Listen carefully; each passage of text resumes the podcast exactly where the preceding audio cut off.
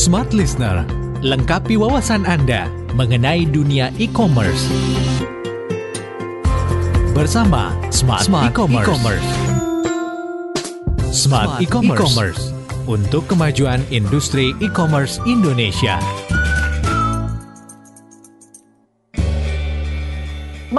Juga sahabat yang bergabung, pandemi COVID-19 disebut-sebut uh, memporak-porandakan banyak sekali usaha, tetapi juga di satu sisi pandemi COVID-19 ini juga membangunkan kita semuanya.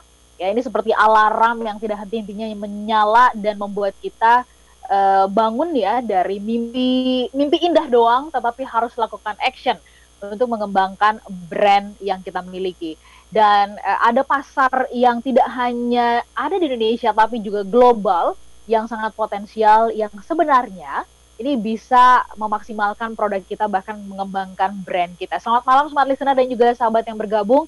Saya Lija bersama-sama dengan Tasya Rustama. Hai Tasya. Halo, dan, selamat malam Yes, malam hari ini kita akan menemani narasumber kita. Ya, uh, beliau adalah uh, founder dari Solvay ada Bang hmm. Erik Nainggolan. Selamat malam, Bang. Selamat malam. Selamat malam. Mbak Tasya juga selamat malam. Oke, okay. uh, eh, smart listener dan juga Anda yang bergabung bersama dengan kami di berbagai kota di mana kami hadir ya, yang ada di Makassar, Manado, Banjarmasin, Balikpapan, terus kemudian juga Anda yang ada di Palembang, Pekanbaru, Medan, Yogyakarta, Surabaya, Jakarta, Depok, Tangerang, Bekasi, Bogor dan sekitarnya. Uh, banyak uh, pilihan untuk kita uh, putus asa ya. Putus asa juga pilihan, tetapi kalau kami mengajak Anda untuk tetap optimis dan lakukan sesuatu. Kita akan membahas bagaimana mengantisipasi antisipasi e-commerce global market ya hmm. uh, untuk bisa mengembangkan brand kita. Bang Erik, mungkin Bang Erik uh, awali dulu ya. Uh, ini kenapa kok um, bahasnya adalah global market? Emangnya pasar di Indonesia udah habis begitu? Atau atau abang melihat ini adalah alternatif supaya kemudian pergerakan kita bisa makin luas gitu bang silakan ya uh, alhamdulillah ya itu hanya malam ini kita semua masih pada sehat ya kita masukin ke bulan ke 8 ya hmm. dan uh, untuk 11, semua bang. ah sekarang bulan 11 Bukan, maksudnya bulan ke-8 dalam pandemi ya. Oh, oke. Okay. Ya, ya, Memang ya. kita dari di bulan Februari 11. kan? Dari iya, Februari, ya, ya. Oke. Okay. Jadi uh, untuk yang masih bisa beraktivitas kita bersyukur. Dan ini salah satu lagi mengapa topik ini kita bahas. Kita mengantisipasi apa sih yang diantisipasi? Tadi ditanya sama Mbak Ola ini ditanya hmm. kenapa harus diantisipasi? Apakah lokal sudah habis atau gimana? Bukan itu sebenarnya. Yang hmm. kita maksud dengan mengantisipasi adalah sadar tidak sadar apa yang kita lakukan ini menggunakan semua resources yang ada kita kita ikut uh, seminar, webinar strategi A, strategi B, ada pakar yang menyampaikan strategi ini dan itu. Sebenarnya secara tidak langsung kita membuka membuka diri kita, usaha kita, jasa kita sebesar-besarnya ke ranah global kan begitu? Betul, betul, betul. Ya, betul. bukannya kita udah ke, ya, Bang? Ah, bukannya kita sudah kehabisan lokal, tapi uh, kita harus sadar, kita harus antisipasi sebenarnya kita membuka diri untuk global juga kan tidak menutup kemungkinan ada uh, apa customer kita yang di luar gitu. Hmm. Nah, nah uh, kenapa kita harus mengantisipasi? Karena ternyata ada plus minusnya juga gitu. Hmm. Ada plus minusnya juga yang harus kita antisipasi dan uh, ini menjadi penting pada saat pada waktu kita terekspos seperti ini kalau kita tidak mengantisipasi dan terjadi yang tidak kita inginkan itu perbaikinnya susah gitu. Ah. Jadi uh, terhadap apa? Tadi di judul kita tulis terhadap brand kita, terhadap hmm. keberlangsungan brand kita. Hmm. Jadi keberlangsungan brand apakah artinya kita bisa lanjutkan kita jualan dengan reputasi kita, brand kita ini atau nggak bisa lagi nanti? Nah, kenapa hmm. bisa seperti itu? Ini yang kita mau bahas malam ini, uh, Mbak Ola sama Mbak Tasya gitu. Oke, berarti ini untuk keberlangsungan brand kita ya, Bang Erik. Kalau boleh ya. tahu, namanya e-commerce global market ini ketika kita masuk e-commerce, apakah itu kita sudah masuk menjadi global market atau belum? Nah, bisa dua-duanya. Karena karena apa? Karena kedua jenis e-commerce ini baik yang domestik hmm. nasional punya yang kita tahu lah pemainnya yang besar itu ada empat atau lima hmm. dan yang internasional uh, secara uh, mudah kita bisa gunakan dua-duanya gitu Mbak Tasya. Jadi uh, kalau yang internasional mungkin itu yang banyak belum lakukan karena apa? Karena saking banyaknya uh, apa aktivitas lokal aja udah cukup banyak. Hmm, hmm, hmm. Tapi justru pada waktu kita uh, sibuk beraktivitas lokal ini uh, dengan kemampuan uh, bersebarnya informasi yang sangat cepat, hmm. kita punya produk ini bisa dikenal di luar juga, di di luar market yang kita nggak eh, nggak harapkan ya. Misalnya ada yang kirim produk kita ini, uh, misalnya fashion ya, dikirim ke Belanda, dikirim hmm. ke New Zealand ya, dikirim ke Australia atau bahkan sampai ke Timur Tengah. Wah, ternyata kita nggak nyadar loh, saya nggak tahu kok barang bisa sampai ke sana. Oh, ada yang pesen dan dikirim ke sana, kan gitu. Ya, nah jadi uh, kita mengantisipasi. Banyak hal yang perlu kita antisipasi. Tapi mungkin ya, sebelum sampai ke situ juga banyak juga teman-teman yang malam ini boro-boro mikirin internasional ya kan? Surat-suratnya aja sudah bikin uh, pusing ya? ya pusing ya. Karena ya, memang ya. banyaknya surat-surat walaupun kabar baiknya se semua surat-surat ini udah dibantu disederhanakan ya. Ini ini kabar Baik. baiknya kan gitu Ya. Hmm. Bang Erik nanti boleh tolong di capture ke kita gitu ya, dikasih gambaran uh, apa saja produk-produk yang uh, menjadi kebutuhan di luar gitu ya, yang artinya uh, walaupun tadi abang mengatakan ini unlimited, tetapi mungkin kita juga bisa dikasih gambaran. Jadi kan kita bisa fokus nih gitu. Hmm. Kalau semua kita ingin rambah juga uh, artinya yeah. nanti tidak maksimal di satu di satu hal begitu kan. Kita bahas betul. nanti lebih lanjut ya bang Baik. ya. Uh, okay apa yang perlu disiapkan dan uh, berikan potret besarnya di di luar sana apa yang yang uh, menjadi kebutuhannya. Kami jeda saat, smart listener, tetap bersama dengan kami dalam Smart E-commerce. Kami membahas mengenai antisipasi pasar global atau global market ya uh, dalam rangka mengembangkan brand kita.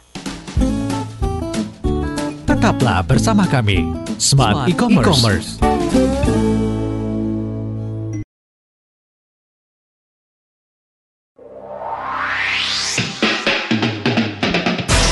Kembali Anda ikuti Smart, E-Commerce. Smart listener dan juga sahabat yang bergabung bersama dengan kami, kami masih dalam Smart E-Commerce. Kami, eh, saya dan eh, Tasya, saya Ola Nurlija bersama dengan Tasya, menemani Bang Erik Nainggolan, eh, founder dari Zolfy.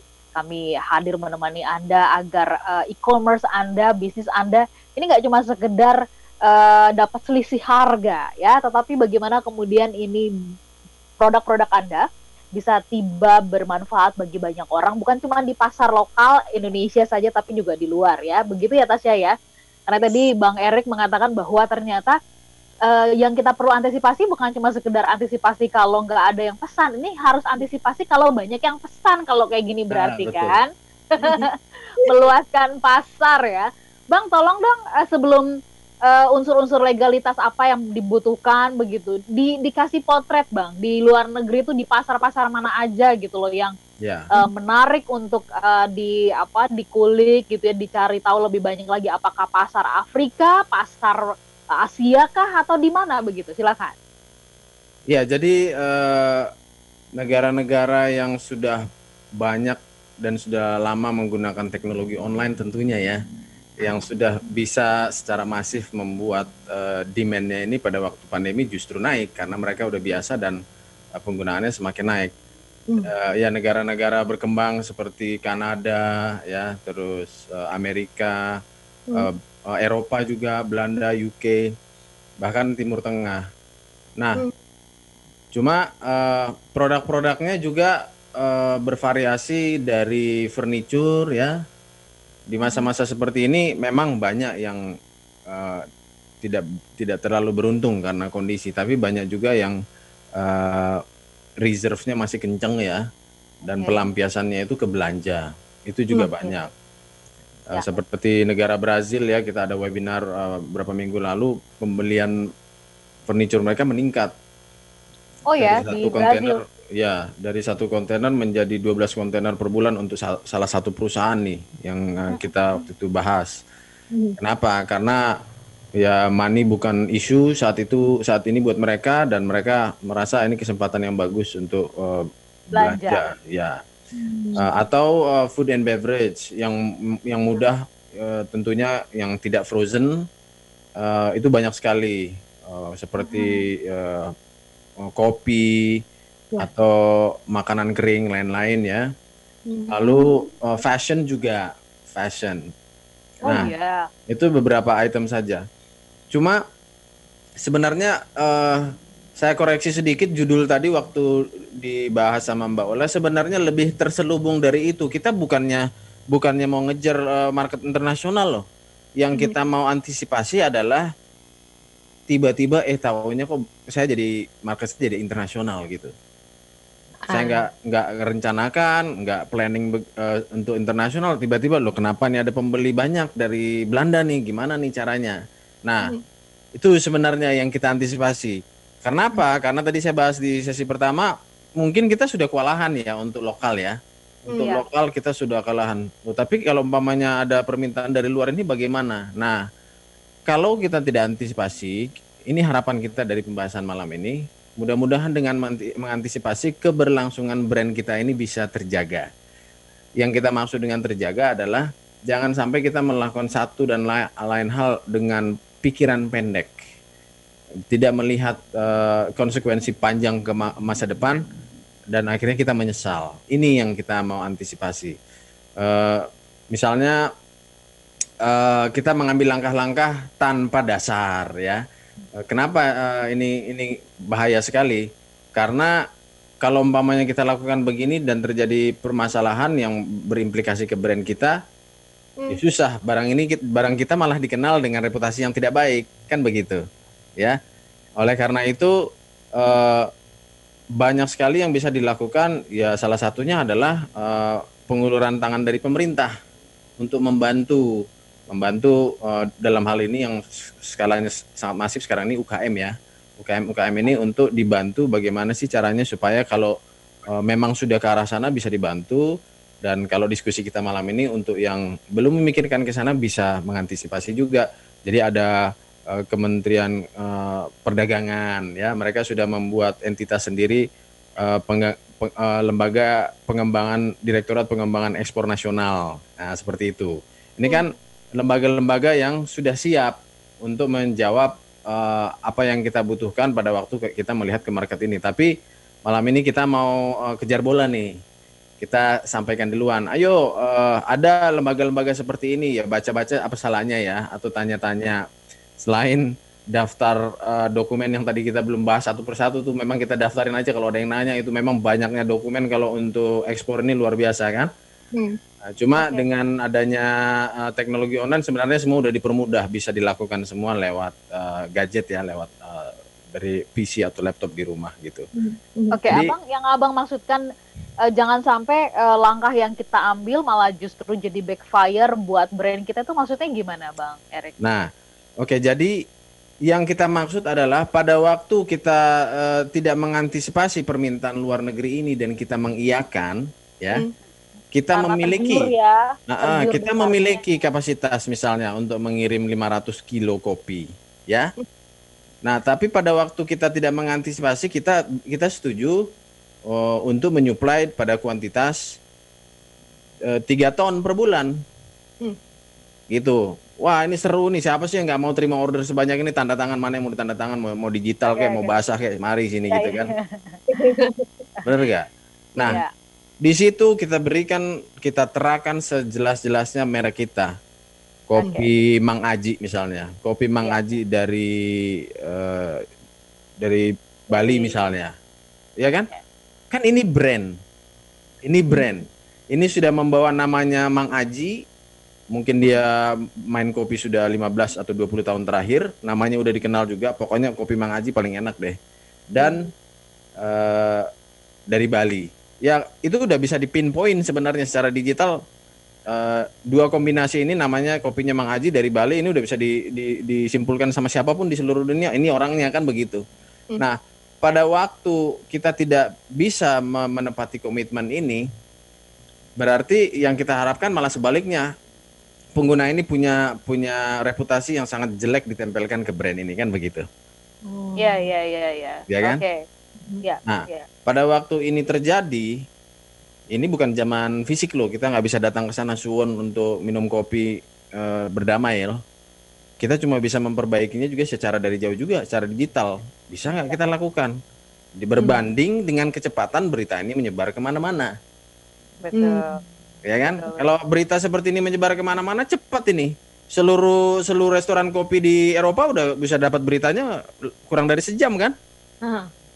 Jangan ambil kopi ini dari Indonesia, namanya ini dan lokasinya ini. Udah. Jadi Selesai ya. iya. Nah, Oke. pada waktu itu terjadi keberlangsungan brand kita kayaknya ha- harus dipikirkan ulang gitu.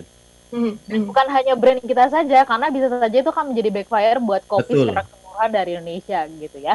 Oke, kalau gitu supaya itu nggak terjadi secara legalitas, dokumen-dokumennya dulu deh gitu ya, karena kan Ya. banyak juga yang nggak berpikir, belum berpikir karena Benar. uh, berpikirnya uh, susah dan sebagainya. Tetapi sering kali sulit dan susah ini juga karena dengar-dengar kan, Bang, bukan Iya, karena sudah benar, mempelajari gitu ya. Iya. Tapi Ya kan, alangkah bijaksananya kalau kita tahu dulu supaya kita tidak semudah itu mengiyakan ya suatu kontrak Ya. agreement atau menyanggupi ya karena karena semangat berapi-api. Bayangin aja kita nggak bayangin kita mau jualan ke Belanda kok ada yang mesen satu kontainer per bulan. Ya. Iya nggak? Iya betul. Jadi apa sih oh, horornya itu apa Eh, ada ada kita bikin listnya ya yang namanya SIUP, yang namanya TDP, NPWP, NIK, eh, invoice, kita harus paham terminologinya, packing list, bill of lading, certificate of origin, certificate of analysis, certificate of eh, phytosanitary eh, dan dokumen tambahan lainnya, dokumen untuk ekspor, dokumen shipping instruction dan PEB. Itu Hmm. untuk yang umum aja. Ya. Jadi kalau kita dengar malam ini ya kurang lebih ada berapa tuh? Mungkin 12 atau 13 dokumen. Sebelum kita merasa kita sudah aman dengan 312 dokumen ini, kita harus pikir baik-baik pada waktu uh, kita terekspos ke pasar internasional. Oke. Karena mungkin salah satu dari ini tidak ada aja, kita sudah bisa menghambat uh, pengirimannya kan, seperti itu kan. Mhm. Dan satu hal lagi yang kita pelajari ini uh, dari diskusi kemarin adalah dengan teman-teman yang yang lagi uh, semangatnya untuk mem- meluaskan market seluas-luasnya. Uh, behavior dari pembeli-pembeli ini beda loh dengan kita yang namanya tepat waktu, menghargai waktu, uh, uh, apa komitmen dan sebagainya. Sangat strict banget ya. Ya satu jam atau satu hari itu bisa bisa menjadi uh, malapetaka tuh kalau kita terlambat atau uh, tidak komit gitu. Mhm, mhm. Jadi bang, ini harus dipersiapkan sebelum uh, kita mendapatkan pesanan ini kah atau bagaimana? Iya iya, Oh. betul. Justru itu ya. Makanya pada waktu kita tidak me- me- mengantisipasi market yang global dan Hmm. kita tidak menyiapkan semua dokumen ini, lebih baik kita tahu dari sekarang. Ya kalau umpamanya kita ada luxury waktu, ya, waktu luang saat ini, eh, aplikasi online-nya kita submit secara online, ya menjadi sesuatu yang sangat bermanfaat yang bisa menjaga eh, apa uh, apa ya uh, ketidakmampuan kita mengontrol diri kalau umpamanya exposure sepe- exposure seperti ini tiba-tiba ada ya. Gitu paling tidak kita mengetahui lah seluas apa sih dokumentasi yang kita butuhkan. Dan ini uh, semakin semakin maju negaranya semakin rumit loh semakin ketat mereka. Nggak akan ada yang diabaikan begitu. Oke. Ini sama halnya kayak eh, ketika orang memasuki pasar Jepang ya, saya dapat informasi juga waktu itu dari Kementerian Perdagangan eh, yang mengatakan eh, pasar-pasar Eropa dan eh, seperti Jepang, Jepang, Eropa begitu itu sangat ketat sekali dan mereka eh, sangat mengedepankan quality control, eh, kualitas Betul. dari produk gitu ya, Bang ya. betul betul Oke. Bang Erik nanti kita bahas lebih lanjut, kasih gambaran eh, berapa lama proses itu dan apa yang eh, bisa Abang sarankan juga kepada para pemilik produk-produk e-commerce ini gitu ya di dalam mereka menjaga eh, standar atau eh, quality control dari produknya. Kita sambung nanti di berikutnya ya. Smart listener, silakan ada yang ingin berbagi bersama dengan kami pergunakan 0812 11 12 959. Kami juga sedang live YouTube channel Smart FM. Tetaplah bersama kami, Smart, Smart E-commerce.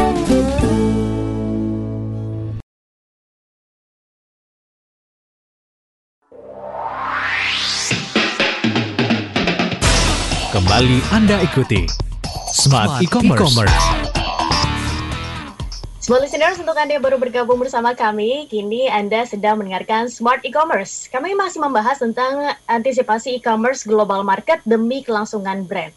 Ini wajib sekali untuk Anda yang mungkin usahanya sudah uh, ingin uh, naik kelas ya menjadi taraf internasional ataupun tiba-tiba Anda mendapatkan sebuah uh, pesanan dari luar negeri ini harus diantisipasi smart listeners dan ini pembicaranya seru sekali karena ternyata uh, namanya pasar global itu memang tidak terbatas ya apalagi kalau kita sudah masuk ranah e-commerce ini. Dan smart listeners, saya Tasya Rustama masih bersama dengan Ola Nurlija. Kami menemani Bang Erik Nainggolan yang masih membahas tema yang sama. Baik, saya mau tanya, ini mengutip dari yang tadi sudah Mbak Ola uh, ungkapkan ya bahwa ternyata di pasar internasional, contohnya saja Jepang ini memiliki kualitas yang uh, quality controlnya sendiri gitu. Tapi hmm, mungkin bisa diceritakan gimana biar uh, para pelaku UMKM ini bisa masuk standar internasional tiap negara. Mungkin ada uh, kiat-kiatnya atau ada uh, pakem-pakemnya yang bisa Bang Erik sharing kepada kami. Ya, jadi uh, dari dari uh, dokumentasi yang di sesi pertama itu disebutkan beberapa dokumen mungkin yang kita udah biasa dengar ya, tapi di bagian akhir itu ada dokumen tambahan. Hmm. Nah, dokumen-dokumen tambahan ini setiap negara beda, setiap negara beda dan uh, di sinilah peran dari perwakilan-perwakilan uh, KBRI hmm. di luar sana bisa membantu kita. Sebenarnya itu untuk yang manja-manja, tapi yang udah biasa yang untuk yang udah biasa lah cari sendirilah gitu kan. Hmm. Tapi kalau untuk yang manja atau mau di diberi uh, apa penjelasan yang benar-benar detail mungkin lebih baik uh, mencoba menghubungi uh, lewat email ya KBRI KBRI lokal lalu menanyakan sama mereka seperti itu. Okay. Jadi perwakilan-perwakilan ini sudah tahu persis karena dia akan langsung uh, to the point nih masalah-masalah yang paling lemah tuh ini nih bukan bukan siup, hmm. bukan TDP tapi uh, misalnya uh, uh, uh, ya dokumen fitosanitari ini yang ketat karena mereka memastikan bahwa uh, secara secara uh, kebersihan klinis mereka punya standar yang lebih ketat dari misalnya Australia. Gitu. Beda. Jangan kita baru ekspor ke Australia kita anggap sudah punya dan kita uh, menganggap remeh ternyata berbeda. Dan ini kita bisa tanyakan dari mereka atau uh, kita search sendiri ke situs-situs dari uh, situs resmi negara tujuan yang memiliki standar-standar dan biasanya mereka semua sudah ada gitu.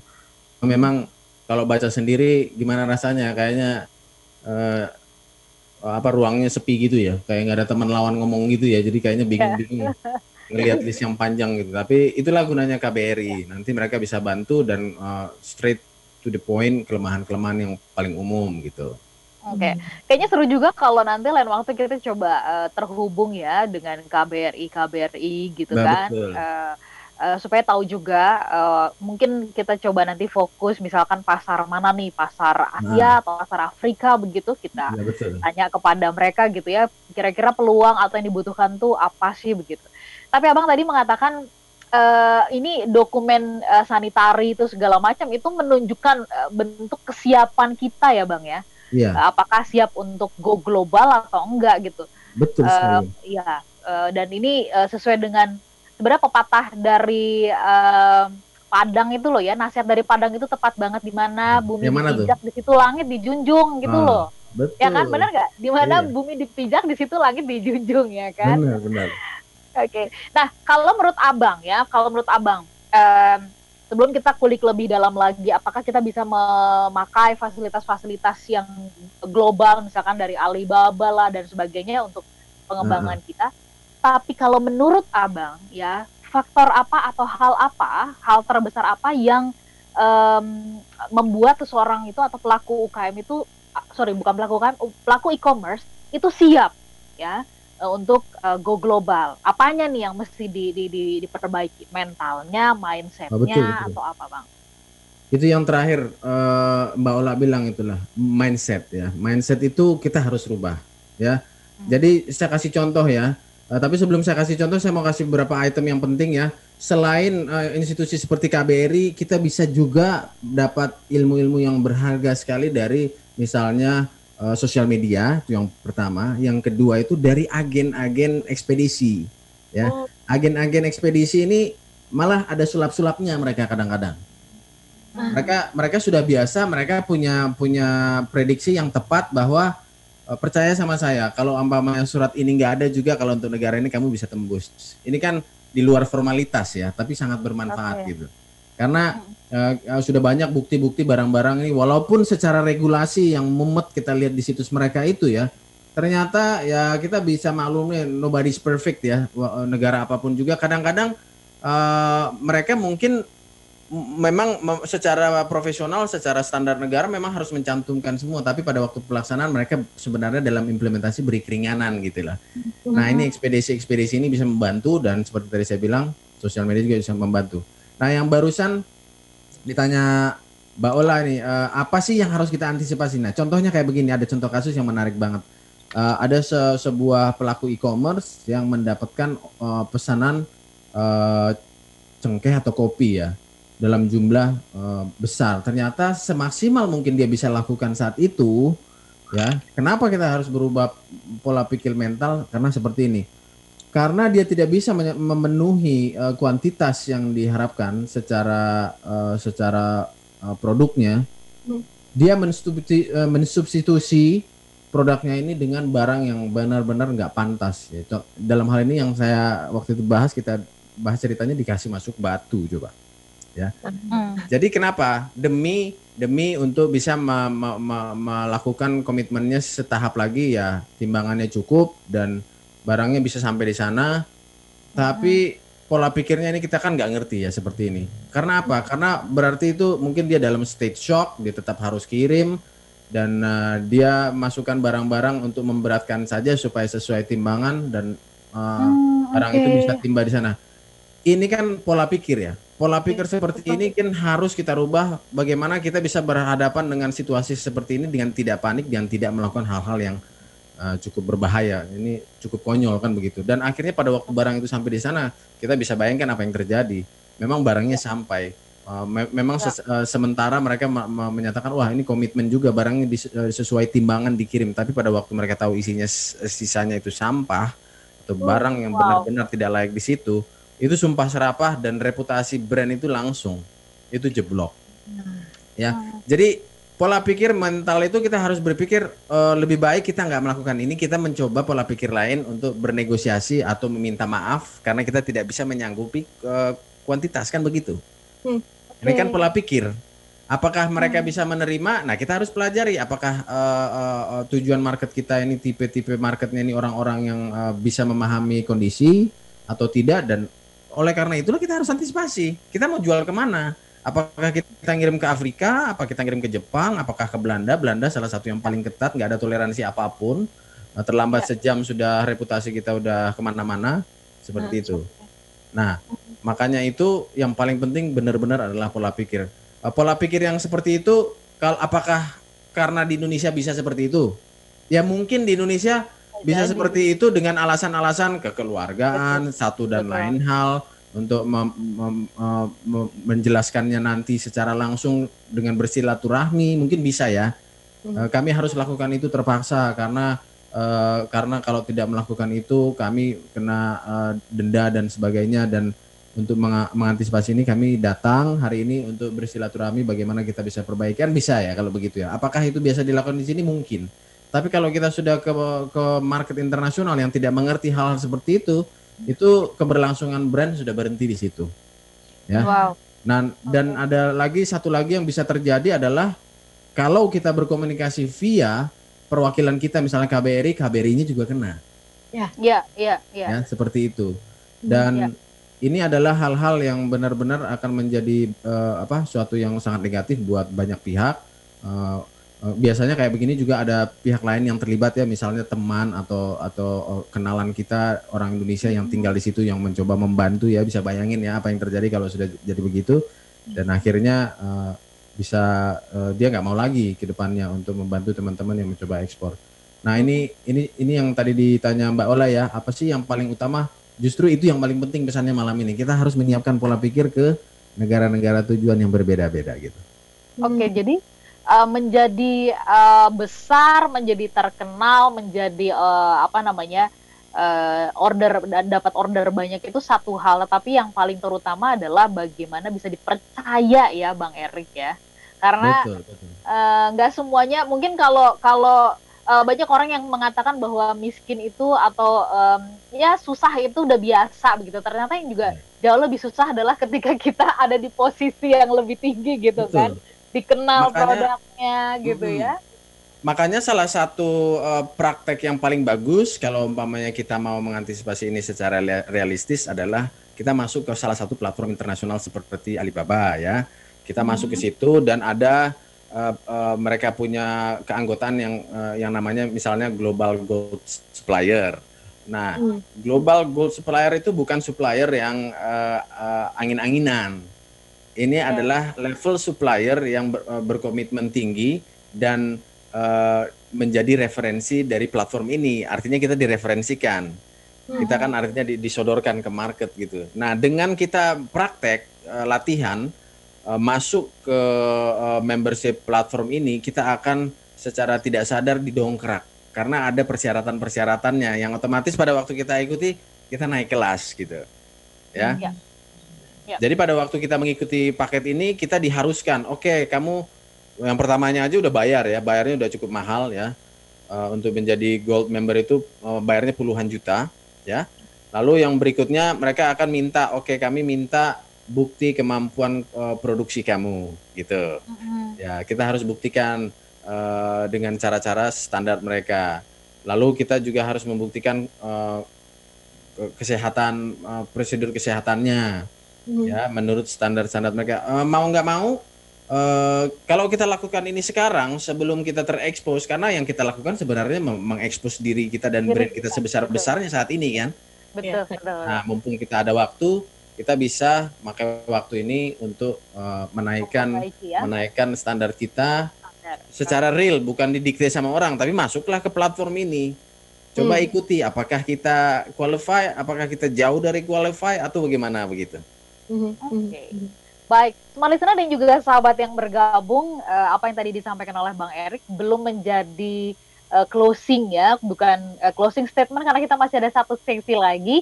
Jadi silakan buat Anda yang mau bergabung uh, bersama-sama dengan kami ya. Mungkin ada sharing dari Anda sendiri bagaimana ketika menghadapi pesanan yang demikian banyak, bagaimana cara Anda ya untuk tetap menjaga kualitas diri, kualitas produk dan jasa yang Anda miliki dan adakah di antara Anda yang sekarang ini sedang merambah uh, market internasional?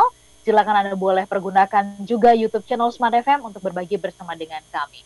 Ada satu sesi yang terakhir yang bisa Anda pergunakan untuk Anda bertanya atau juga uh, menanggapi apa yang kami bahas. Tetaplah bersama dengan kami dalam Smart E-Commerce. Tetaplah bersama kami, Smart, Smart E-Commerce. E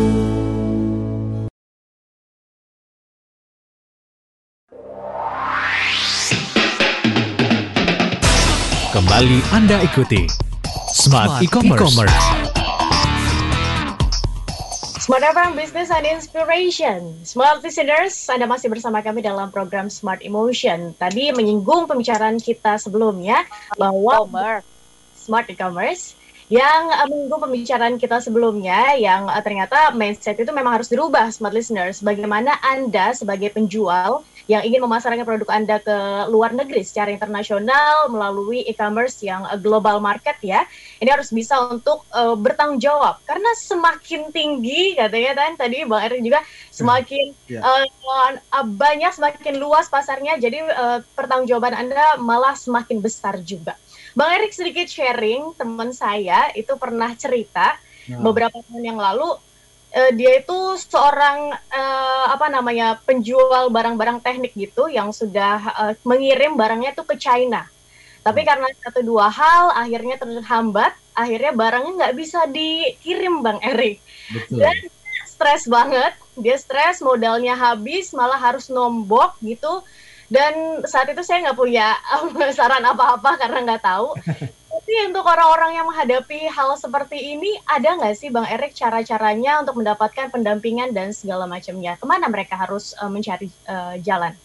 Nah, jadi karena negeri kita ini cinta sama UKM-UKM-nya, kementerian-kementerian sudah melakukan ini hal-hal seperti ini dan ada terminologi yang sudah mulai memasyarakat namanya local heroes ya. Oh, Oke. Okay. Program local heroes ini kayaknya sudah memasyarakat di di kementerian-kementerian uh, walaupun kementerian berbeda ya uh, kementerian UKM maupun uh, perdagangan uh, perindustrian mereka menggunakan terminologi yang sama mm-hmm. senang juga ya uh, akhirnya kementerian-kementerian kita punya keseragaman ya nggak kayak dulu ya nah berharapnya ini nanti akan akan terus ya bang keseragaman ini kan iya iya karena karena tampaknya belum semuanya juga merata begitu nah justru itu justru karena sulitnya sebenarnya kita kan sebenarnya ada dalam tahap di mana semuanya lagi shock ya. Tiba-tiba kita udah harus siap, sudah harus digital, sudah sekarang sudah harus uh, antisipasi market global nih. Nah, tiba-tiba. Nah, kalau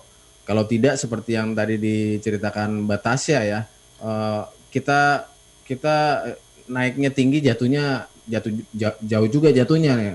Hope-nya udah tinggi nih, mau jual saya bisa ekspor banyak nih ke Cina. Eh ternyata karena kita tidak mengantisipasi dan tidak ready, ya.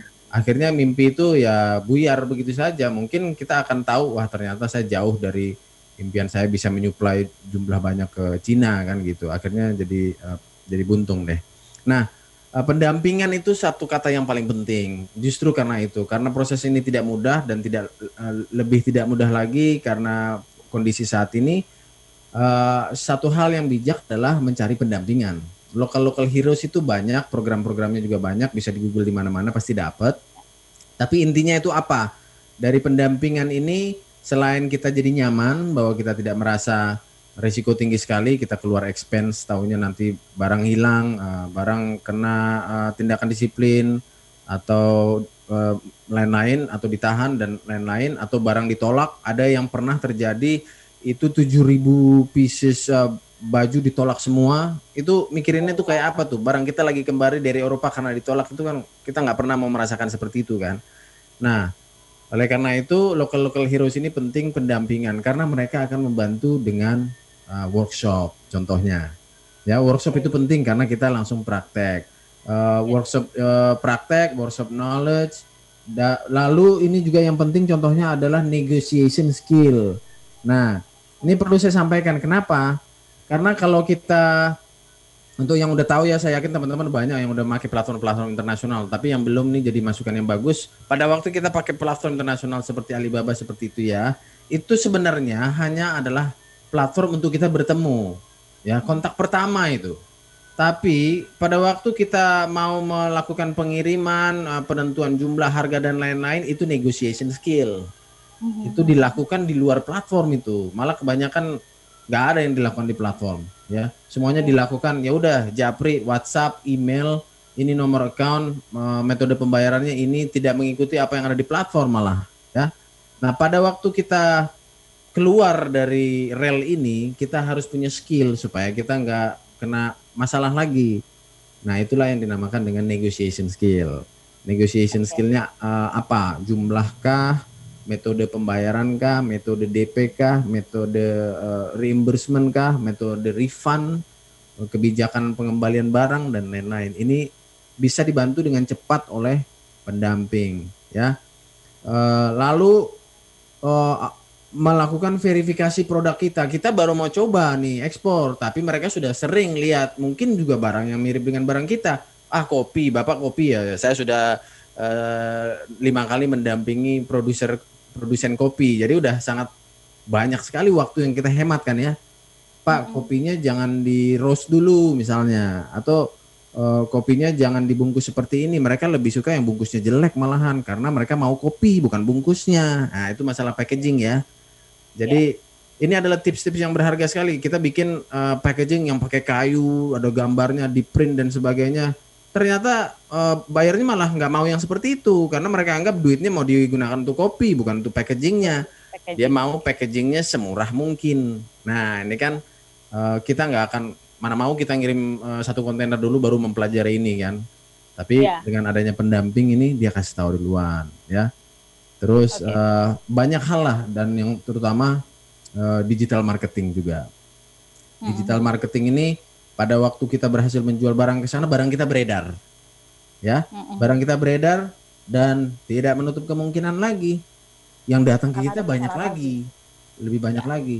Ada yang uh, dari uh, benua sebelahnya, negara sebelahnya, negara Eropa banyak sekali berkumpul barang ya. kita nyampe oleh-oleh ke negara tetangganya tiba-tiba uh, negara yang berbeda mengorder dan pada waktu itu terjadi apakah uh, representasi digital kita sudah cukup memadai ya apakah di dalam situs kita kita ada standar-standar packaging yang uh, mereka harapkan? Apakah ada standar kesehatan yang mereka harapkan begitu? Karena kalau tidak nanti malah jadi berbalik ya. Jadi mereka, oh saya udah lihat produk ini, sebenarnya produk ini tidak ada standar kesehatannya ya. Malah nanti malah jadi anti anti produksi buat kita. Jadi hal-hal ini uh, sangat bermanfaat pada waktu kita uh, didampingi gitu. Hmm, Oke, okay. Bang Erik berarti kalau saya boleh catatkan beberapa mungkin nanti uh, abang uh, memberikan konklusinya kepada kita berarti uh, kondisi ini kondisi pandemi ya yang membuat kita sekarang akhirnya terhubung di mana-mana secara online ini justru memberikan harapan membuka peluang seluas-luasnya tanpa batas. Kira-kira seperti itu ya bang Erik ya? Iya.